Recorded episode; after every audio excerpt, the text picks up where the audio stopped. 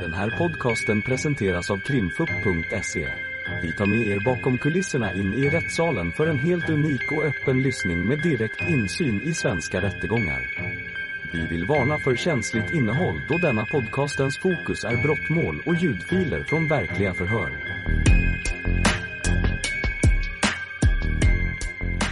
Åklagarna först. Eh, varsågoda. Tack så mycket. Hejsan. Hej. Ja, kan du börja med att bara kort redogöra för din bakgrund, vad du jobbar med idag och vad du jobbar med under hösten 2021? Ja, jag eh, ansvarar för HR eller personalfrågor på ICA Handelsförbund. Det gjorde jag då och det gör jag nu.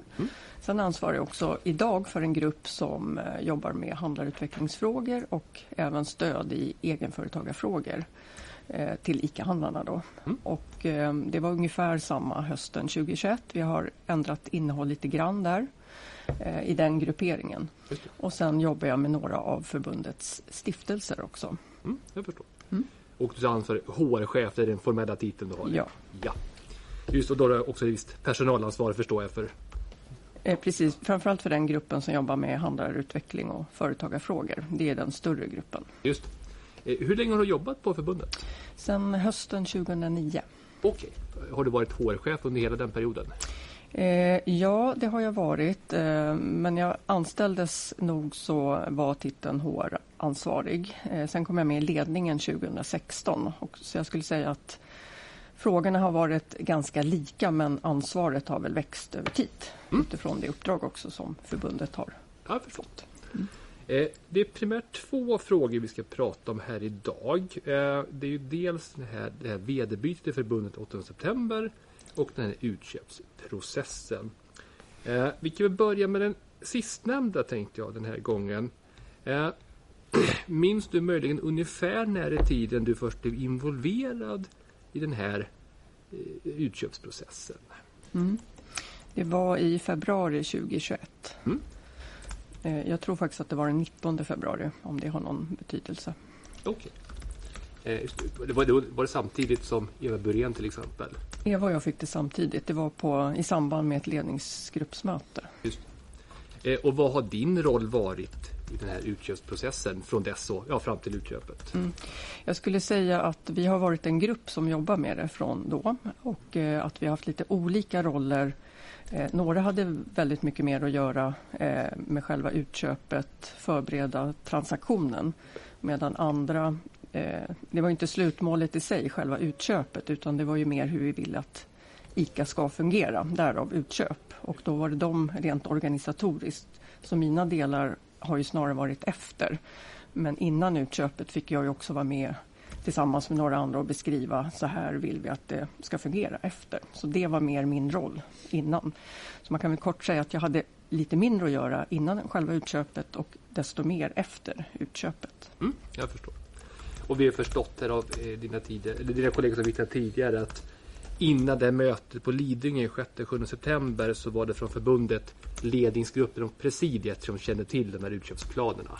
Ja, plus Göran Blomberg som då ingick, Blomberg, eh, i styrelsen. Just det. Just det. Eh, Sen tillkom det ju, ledningsgruppen var ju då sex personer och det tillkom innan Lidingö eh, från våren tre personer till från förbundet.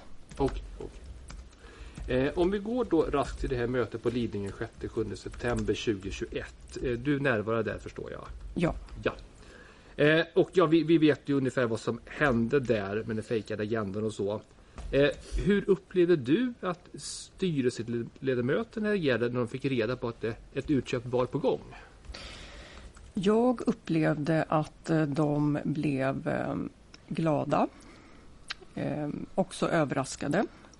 Eh, Jag tror att många tyckte att det var bra i styrelsen, men jag tror inte att de trodde att det var möjligt där och då. Så jag skulle säga eh, glatt överraskade. Glatt överraskade. Okej. Eh, och eh, varför tror du blev de överraskade? Jag tror att, att flera trodde att eh, de hade nog hoppats, men jag tror att överraskningen var att det var möjligt nu för att prislappen var så pass stor och Ja. man därmed inte trodde att det var möjligt. Det var min uppfattning. Just så det var det finansiella, eh, att det finansiellt möjligt ut, det var det som var överraskande. Ja. Just det.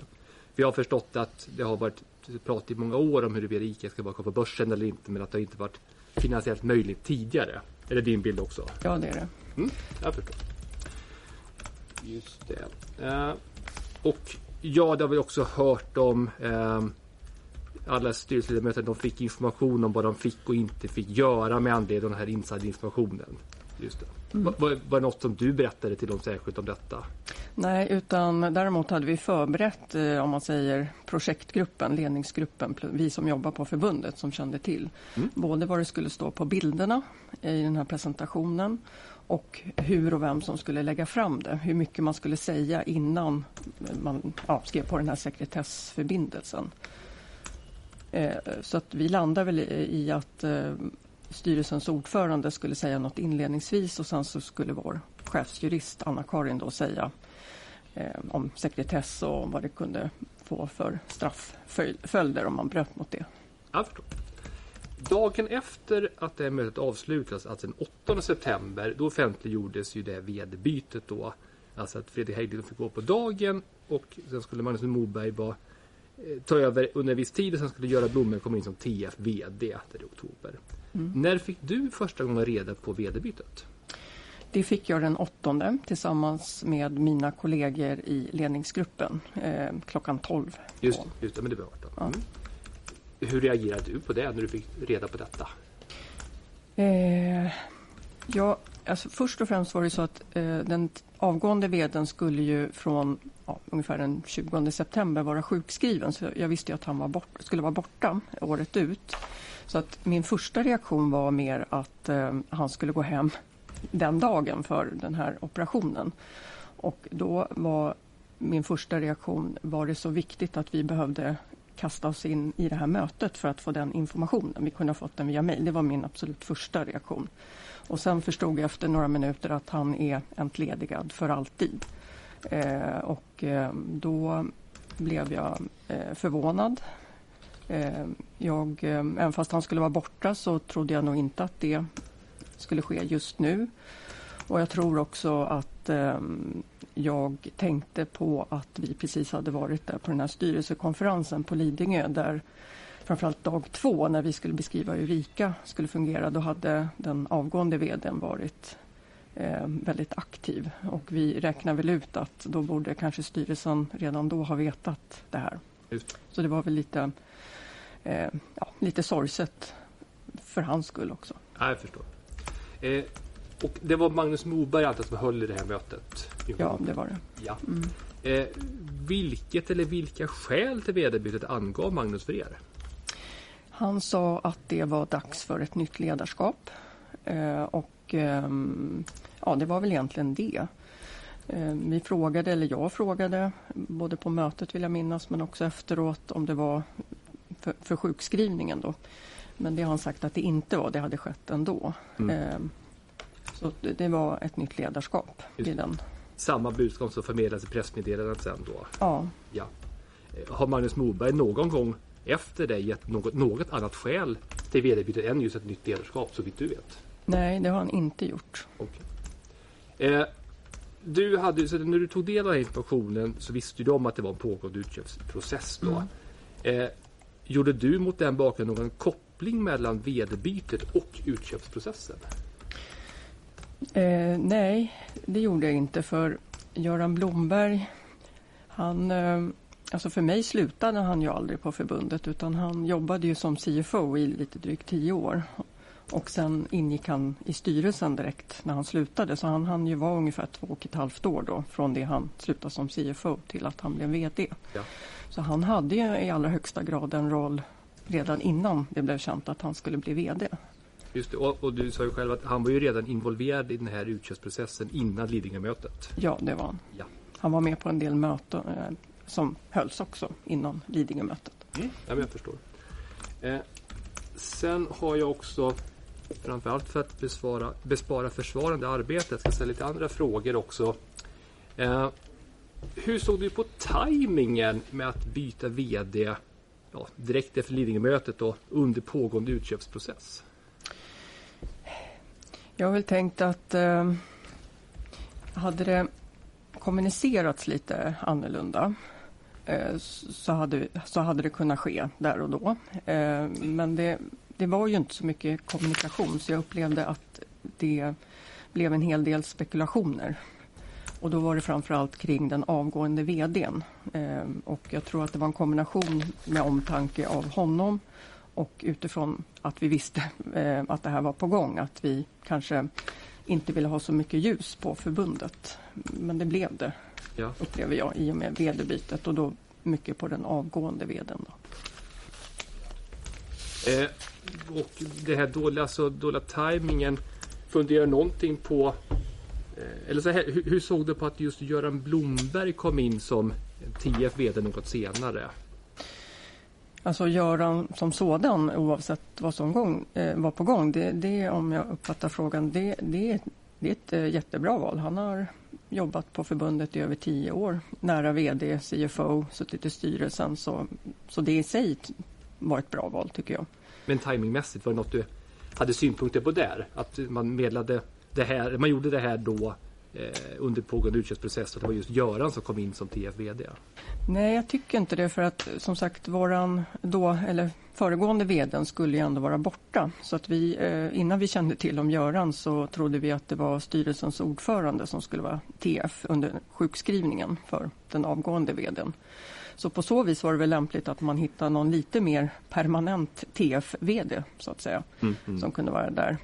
Eh, Styrelsens ordförande driver ju en ICA-butik och har eh, ett par större styrelseuppdrag. Så det är klart, han har ju Göran då. Så på så vis tycker jag att det kunde vara ett bra val. Jag tror mer att det var det här att det var inte så bra kommunicerat kring den avgående vdns... Eh, det var väl det som jag kanske tyckte var, om, om du använder ordet dålig timing. Ja, ja, just det. Ja, för det, hur var det? Var det spekula, dök det upp spekulationer så vitt du vet om skälet till att Fredrik fick gå, att han fick gå på dagen? Eh, ja, det var ganska mycket. Inte minst de första dagarna, första veckan och kanske upp till två veckor. Och då tror jag att den första var nog som kanske jag själv och mina kollegor i ledningsgruppen men också anställda på förbundet. Det första var mer en förvåning över vad som hände. Mm, mm. Eh, och sen, eh, och det tror jag var bland de, eh, framförallt ICA-handlare då också, eh, när man förstod att han hade gått hem på dagen och, och så. Eh, sen eh, tror jag då att, eh, eller jag upplever att det blev spekulationer om han hade gjort någonting. Eller om det var något annat på gång. Mm, mm. Men väldigt mycket fokus på, på Fredrik då som var den avgående. Ja.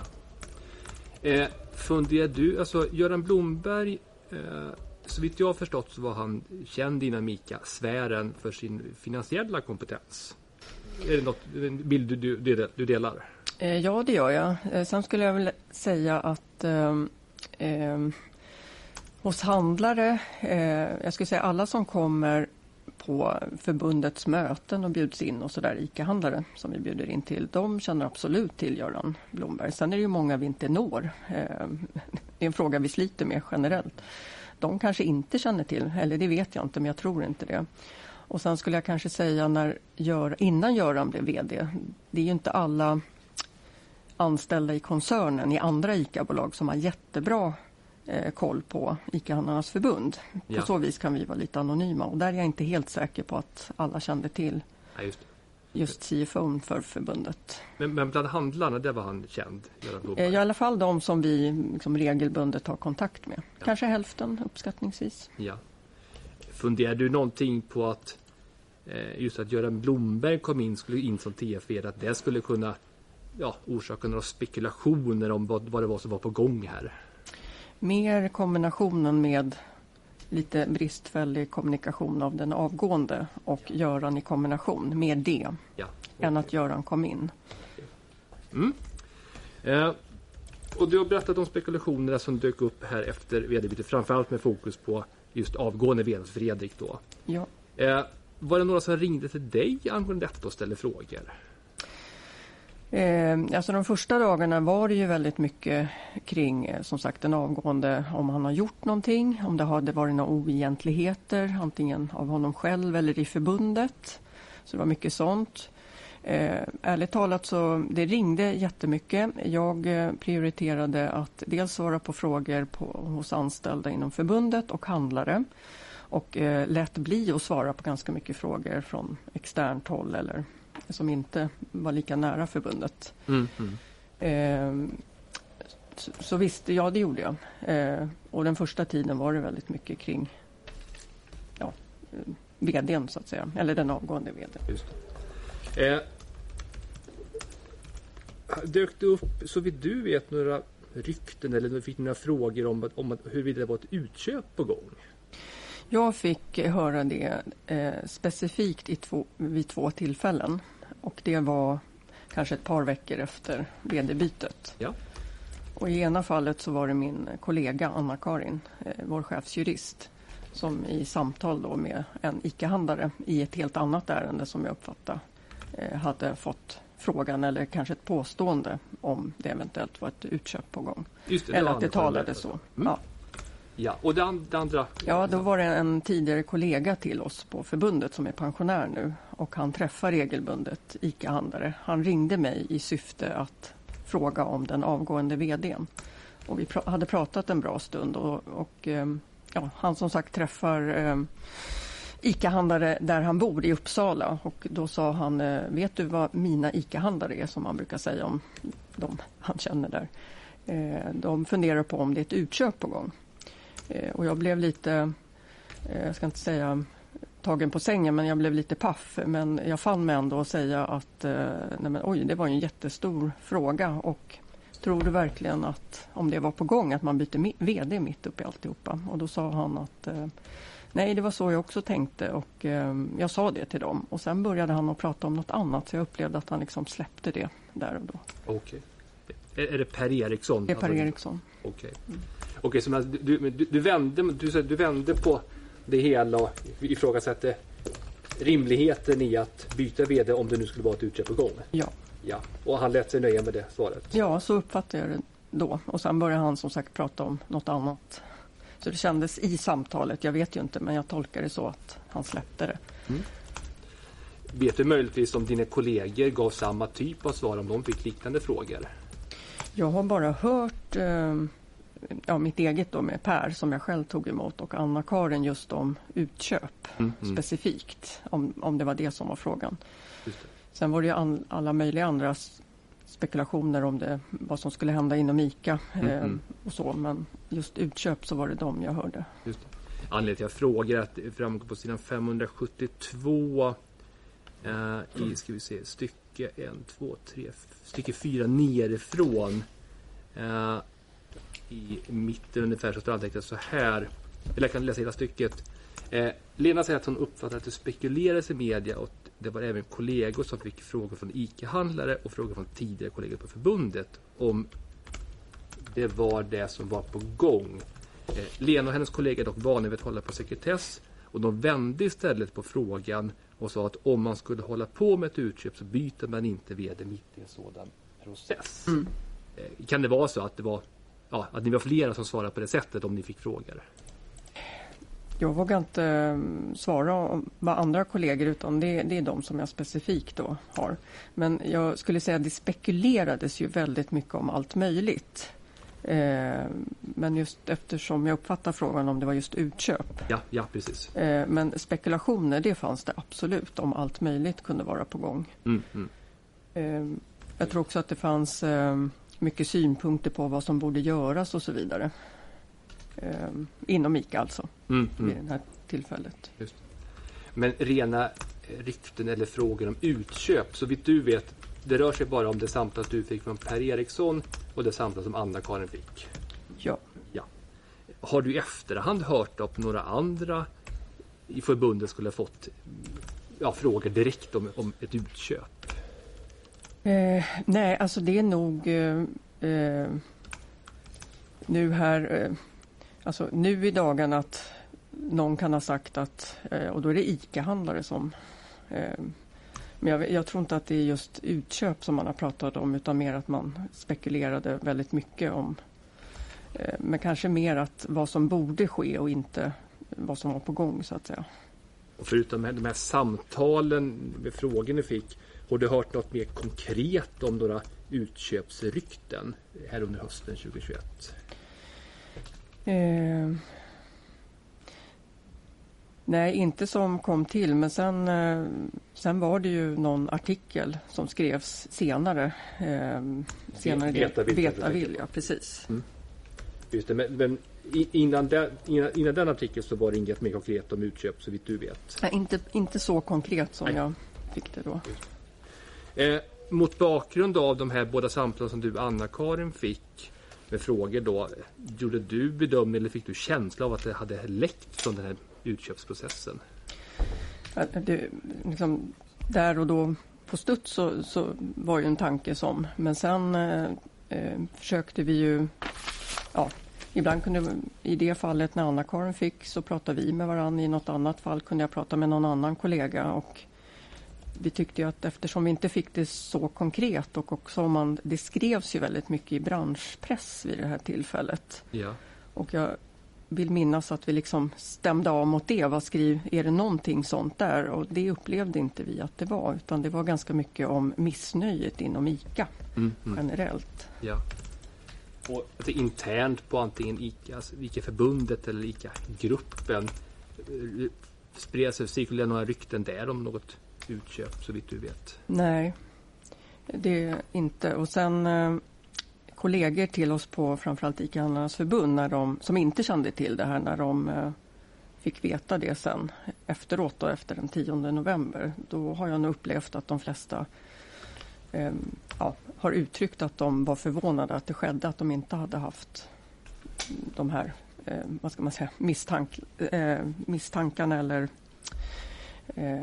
att de har trott att det var på gång helt enkelt. Och var det kollegor på förbundet du menade nu? Precis, Ja. som i efterhand då, efter den tionde. Eh, hur var det? Eh, ICA, det skickades ett budbrev till ICA-gruppen den 22 oktober. Ja. Eh, har du någon uppfattning om huruvida de från ICA-gruppens sida blev om det var väntat eller oväntat att det kom ett, ett budbrev dit? Det har jag ju bara fått berättat för mig. Eh, och ehm, eh, jag tror, och då är det ju egentligen bara styrelsen för ICA-gruppen. Ja, Eh, och sen i efterhand då så eh, de som jobbar liksom i koncernen, kon, nära koncernledningen. Ja, men de tror jag nog blev lite förvånade. Okej, vill- skälet att jag frågat, jag har berättat något liknande i förhört, men det var alltså du, du hade fått uppgifter från ICA-gruppens styrelse om detta. Är det så du, det kommer till din, det är så du har fått liksom, uppfattningen att de var, det var oväntat? Eh, nej, Ska, ska jag ställa om frågan? ja, jag gör gärna det. Ja.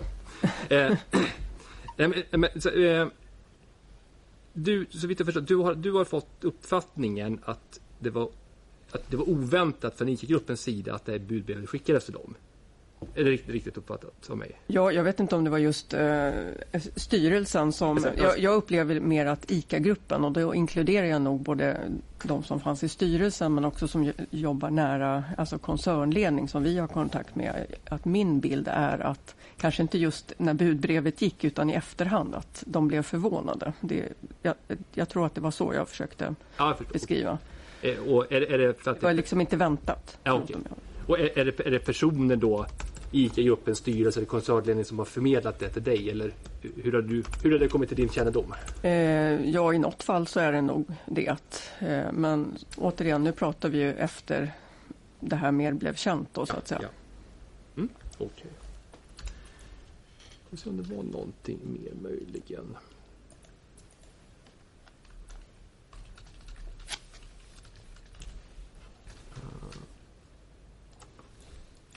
Nej, men jag stannar så. Tack så mycket. Mm. Då ska vi se om det finns advokat Cedermark. Varsågod. Tack så mycket. Hej, Conny Cedermark heter jag. Du, jag ska flytta mig tillbaka till Uppsala. Du sa att du hade haft en kontakt med någon handlare i Uppsala uppfattade jag dig. En tidigare kollega. Tidigare kollega. Eh, vad var det för någonting som uttrycktes eh, ifrån den här kollegan? Talade kollegan om att det ryktades om, om utköp? Eh, den tidigare kollegan då som i sin tur lite regelbundet träffar ICA-handlare i eh, Uppsala. Han eh, ringde mig för att fråga frågor om eh, den avgående vdn, vad som hade hänt och så vidare. Och en ja, en ganska lång stund in i samtalet så säger han att vet du vad mina eh, Uppsala-handlare säger? Nej. Eh, jo, de funderar på om det är ett utköp på gång. Var så uttryckte Och de här mina Uppsala-handlare, det, det indikerar ju trots allt att det är flera som funderar på samma sätt. Eh, ja, jag vågar inte. Det jag borde ha frågat honom som jag själv har tänkt på efteråt. Jag vet inte om han eh, hade pratat med en eller om det var i ett gruppsammanhang. Det vet jag faktiskt inte. Utreder ni den saken närmare?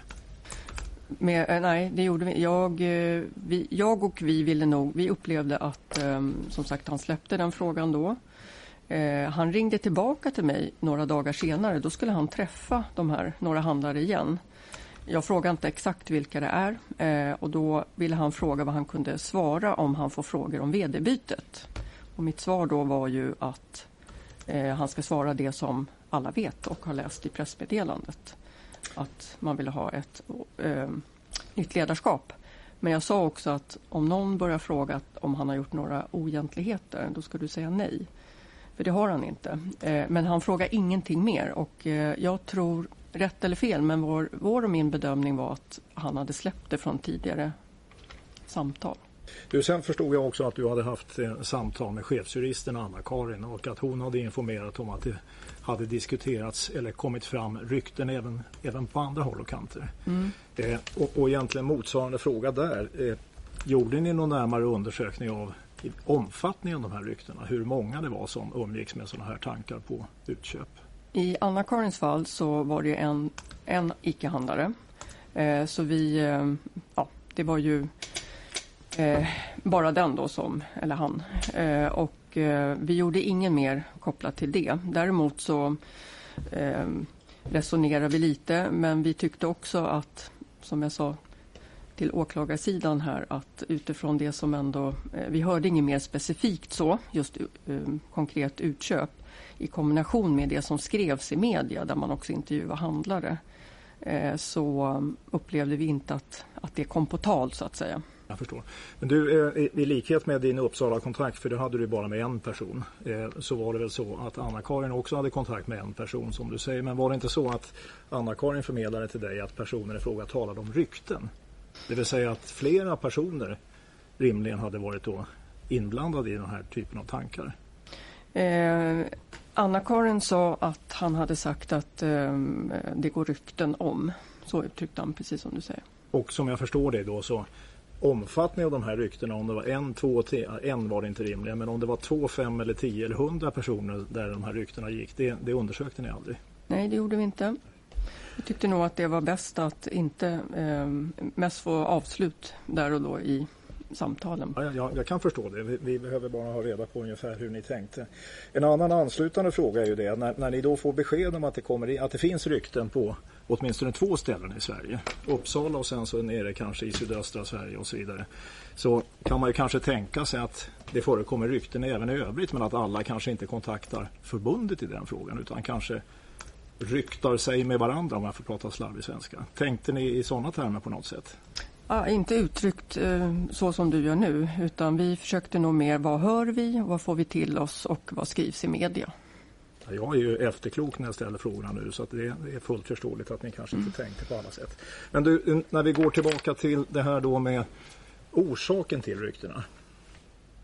Eh, närmare funderingar kring den saken. Hade ni några, några sådana? Även om ni bestämde er för att lägga locket på så att säga. Vad tänkte ni i de banorna? Um, jag vet inte om jag riktigt uppfattar frågan men som jag ändå tolkar den så var det ju mycket när vi fick ljus på ehm, oss på förbundet. Det var ju mycket i samband med det här vd-bytet. Och ehm, som jag sa så var min bild just att det var lite knapphändig information om den avgående. Och eh, flera förstod att han gick hem på dagen eller på, på studs så att säga. Och då gav det i sig själv upphov till spekulationer för ja. att informationen var knapphändig. Så uppfattar jag Får man inte tillräcklig information så frågar man efter mer. Precis. Eller spekulerar. Mm. Mm. Men då pratar vi om den avgående mm. vdn. Den tillträdande då? Mm. Gjorde du några reflektioner över att det var just Göran Blomberg som skulle tillträda så att säga och i vilken mån det kunde påverka spekulationen på olika sätt? Nej, vad som jag sa tidigare, vi, eh, har ju jobbat med Göran eh, länge och han har för oss egentligen aldrig slutat utan han gick ju in i styrelsen. Och vi som jobbar med det här projektet, Göran var ju en viktig del där eh, oavsett både före och efter VD. Eh, som han tillträdde som VD. Han hade ju en jätteviktig roll. Han satt i styrgruppen för projektet först och eh, var med i de delarna kring finansiering och transaktion. Eh, men eh, absolut att lite knapphändig information om den avgående i kombination med att en sådan som Göran, det, det kan säkert absolut ha spett på spekulationen. Om vi stannar vid det här sista då. Mm. En sådan som Göran kan ha spett på, säger mm. du. Vad, vad, menar du då? Hans finansiella bakgrund. Hans finansiella bakgrund kunde spä på vad då för någonting? Eh, vad, vad som är på gång. Om det var någon anledning. Sen som jag sa tidigare att det är, det är en väldigt bra kandidat. Eh, men just det här att eh, om man har börjat spekulera eh, att men hans, ha, hans finansiella bakgrund kunde spä på vad som var på gång. Ska jag förstå det som att det kunde spä på tankar kring att någonting finansiellt var på gång? Nej, överhuvudtaget eh, att något måste hända inom ICA, tänker jag. Mm. Reflekterar du själv över någonting kring, kring åklagaren ställde faktiskt flera objektiva frågor i den här delen men, men du svarade kanske inte fullt ut i, i, linje med det du har gjort tidigare under förhör. Men, men reflekterar du själv över någonting kring lämpligheten eller olämpligheten i att kommunicera ut just vid det här tillfället att Göran Blomberg som finansiell känd aktör skulle komma in som ny VD? Jag tycker att man absolut kunde ha gjort det om man hade beskrivit eh, eh, lite mer eh, kring den avgående. Och, och, hur tänker du då? då? Vad, vad kunde man ha gjort? Eller, ja, han skulle till exempel vara sjukskriven i fy, tre, fyra, mm. kanske fem månader. Så vi behövde ha in en VD. Eh, om det inte hade skett ett VD-byte så skulle den här veckan kommuniceras att eh, Fredrik Hägglund skulle vara sjukskriven och att styrelsens ordförande skulle vara TF. Så någon kommunikation skulle ändå ske den här veckan. Eh, men istället skedde den här vd-bytet då och eh, eh, det nämndes ju ingenting om att Fredrik ändå skulle vara hemma. Nej.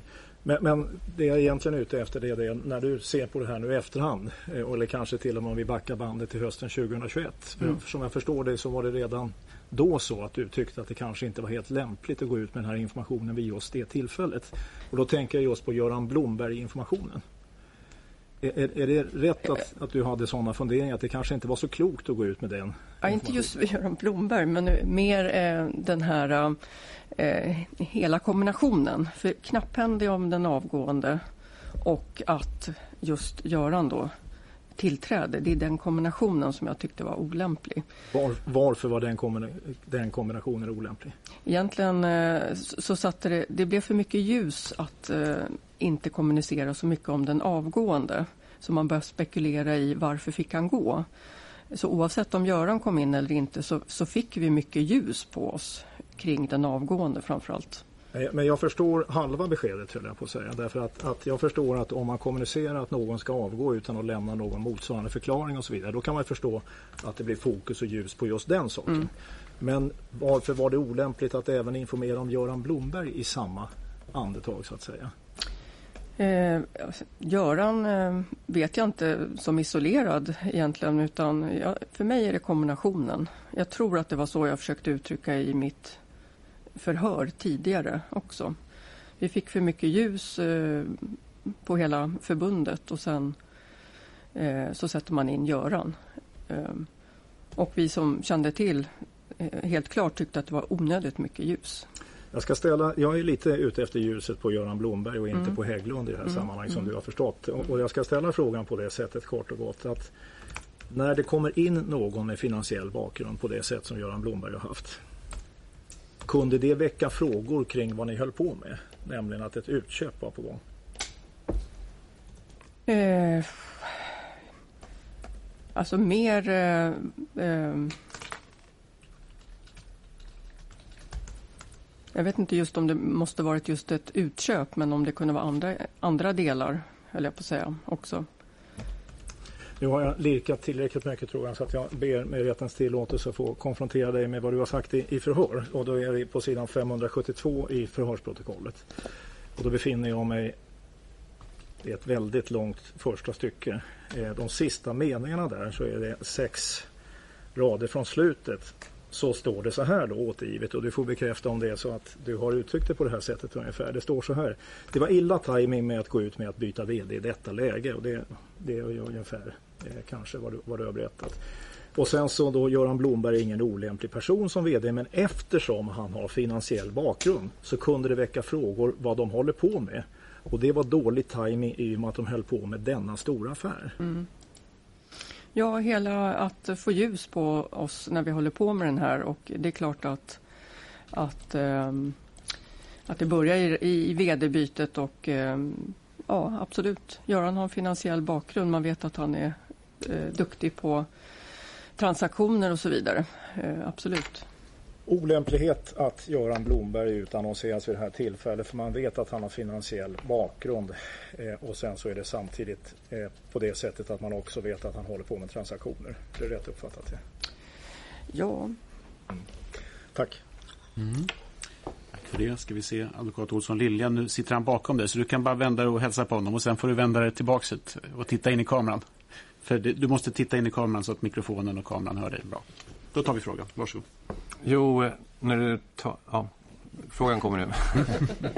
det är bättre att du, det är bättre att du tittar häråt, har vi, har vi lärt oss av erfarenhet. Ja.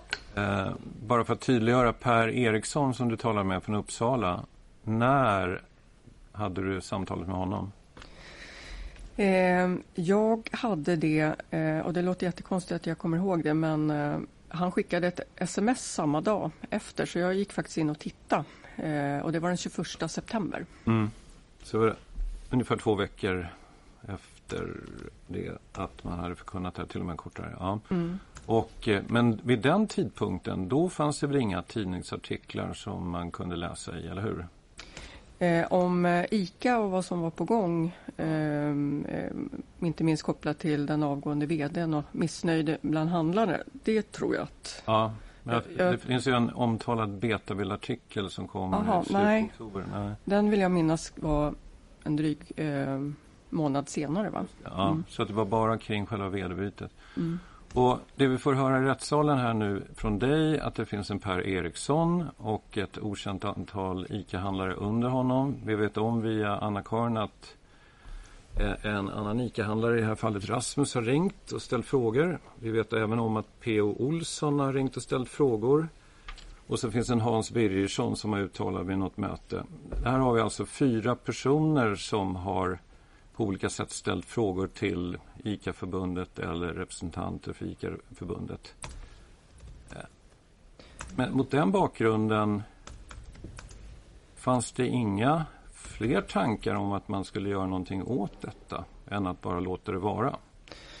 Eh, de två sistnämnda du eh, säger, P.O. Olsson och Hans Birgersson, de hade jag inte hört Nej. tidigare. Eh, vi, den här första tiden här efter vd-bytet, ungefär två veckor, mm. så upplevde vi, där jag tror och minns eh, själv då, och som jag också har kollat upp här, Ericsson. Eh, då upplevde vi mer att det var, det fanns liksom inget annat som styrkte att man pratade just utköp. Utan vi tittar ju då på de här artiklarna och så vidare eh, i Dagligvarunytt, branschpress. Ehm, och ehm, sen var det ju också så att ehm, vi hade ju både finansiella och legala rådgivare och nu var det inte jag själv i min, i min roll som hade daglig kontakt med dem men jag upplever att eh, ja, vår projektledare och så vidare, det var ju, fanns ju andra mer experter eh, på transaktionsfrågor att, att eh, rådgöra med. Mm. Eh, men det var inte så att vi eh, samlade oss till ett stort möte och gick igenom det här utan det var nog lite löpande och i lite olika konstellationer avstämning. För det finns inga uppgifter om att man har frågat de här juridiska experterna som man konsulterar. I vart fall har inte jag hört det. Eh, så det är därför jag undrar här om, om man, hur man tänkte egentligen. När det ändå fanns eh, ändå en, en viss spridning med rykten och sånt. Eh, men det kanske inte du kan svara på då, eller? Nej, jag tror att um möjligt att eh, projektledaren som då var CFO, Bo Sandström, eh, som kanske hade mer kontakter med både de finansiella och legala rådgivarna kan svara på det. Eh, men eh, som sagt, vi tyckte att det var lite enskilda ändå händelser. Det är möjligt när man tittar på det så här i efterhand, men där och då så tyckte vi ändå att det var någon enstaka här och där och det fanns inget annat som riktigt styrkte det. Mm. Just det. Men då stannar jag tack. Mm. Advokat Åström, varsågod. Får du bara hälsa lite snabbt på... Ja, hej. Tor Åström heter jag. Ja. Tack. Jag har egentligen bara en fråga. Om det var så Lena att, att några i ledningen i samband med vd-bytet tyckte att det fanns en klar koppling mellan vd-bytet å ena sidan och utköpsprocessen å andra sidan. Då kan jag förstå att ni skulle ha svårt att kommunicera det i pressmeddelanden och sånt fram till den 10 november. Eller hur? Om vi tyckte att det var svårt att... att då, då, ni, I och med att det var en, en utköpsprocess så kunde ni så att säga inte avslöja den genom att säga att vd-bytet berodde på att vi var mitt inne i en utköpsprocess. Det kan jag förstå. Mm. Men min fråga är, efter den 10 november, fanns det då några möjligheter för er att tala fritt om, om det hade varit så att det fanns ett samband däremot? För då, det hade ju inneburit att ni så att säga, glidit lite på sanningen innan den 10 november. Eh, nu är det ju styrelsen som både utser och för den delen entledigar en VD. Det fanns ju ingen i ledningen som var med i varken dialoger eller beslutet om VD-byte eller den som skulle tillträda. Inte heller i kommunikationen. Eh, så jag vet inte riktigt om jag uppfattar din fråga. Jag tror att du behöver ställa den till styrelsens ordförande. Men fanns det allmänt sett då, om jag förtydligar ett, ett problem att man efter den 10 november skulle eh, göra ha, halt och säga att okej, okay, det var nog ett visst samband här? Jag och mina kollegor har ju ställt ungefär den frågan som jag uppfattar att du ställer. Om det var anledningen till att Göran Blomberg utsågs. Och vi har fått svaret nej, man behövde ett nytt ledarskap. Och till en början så eh, fanns Göran med den bakgrund han har, det vill säga att han har jobbat många år i förbundet, suttit i styrelsen som en bra kandidat. Eh, men sen eh, ganska snart, bara några veckor senare, så tror jag att styrelsen uppfattade att det var ett bra eh, permanent val, så att säga. Det är så jag har fått beskrivet och som jag upplevt att mina kollegor i ledningen och eh, anställda på ICA-handlarnas förbund har fått beskrivet. Och med facit i hand, i och med att affären lyckades, så var det ett bra val av att sätta in Göran? Eh, som jag sa lite tidigare här så Eh, Eh, det är absolut jättebra att Göran var med. Eh, han hade varit med ändå oavsett om han var VD eller inte. Eh, Göran var ju med i de första dialogerna och han var också styr, i styrgruppen för projektet och med i de ja, möten som var i lite mindre konstellationer, finansiella möten. Så han var absolut en viktig, men min bild är att han hade varit viktig oavsett och varit med oavsett om man varit VD eller inte. Ja, jag förstår. Tack så mycket. Tackar. Ska vi se. Inga fler frågor här inne ser ut att vara. Nej. Och hur är det? Kalmar, Tingsrätt, Helsingborg och så vidare. Nej. Då är förhöret slut med det. Tackar vi så mycket och så ska vi... Ni har lyssnat på ett avsnitt av Krimpups podcast. Tipsa gärna oss på krimfupp.se om det är någon speciell rättegång ni skulle vilja höra. Tack för att ni har lyssnat.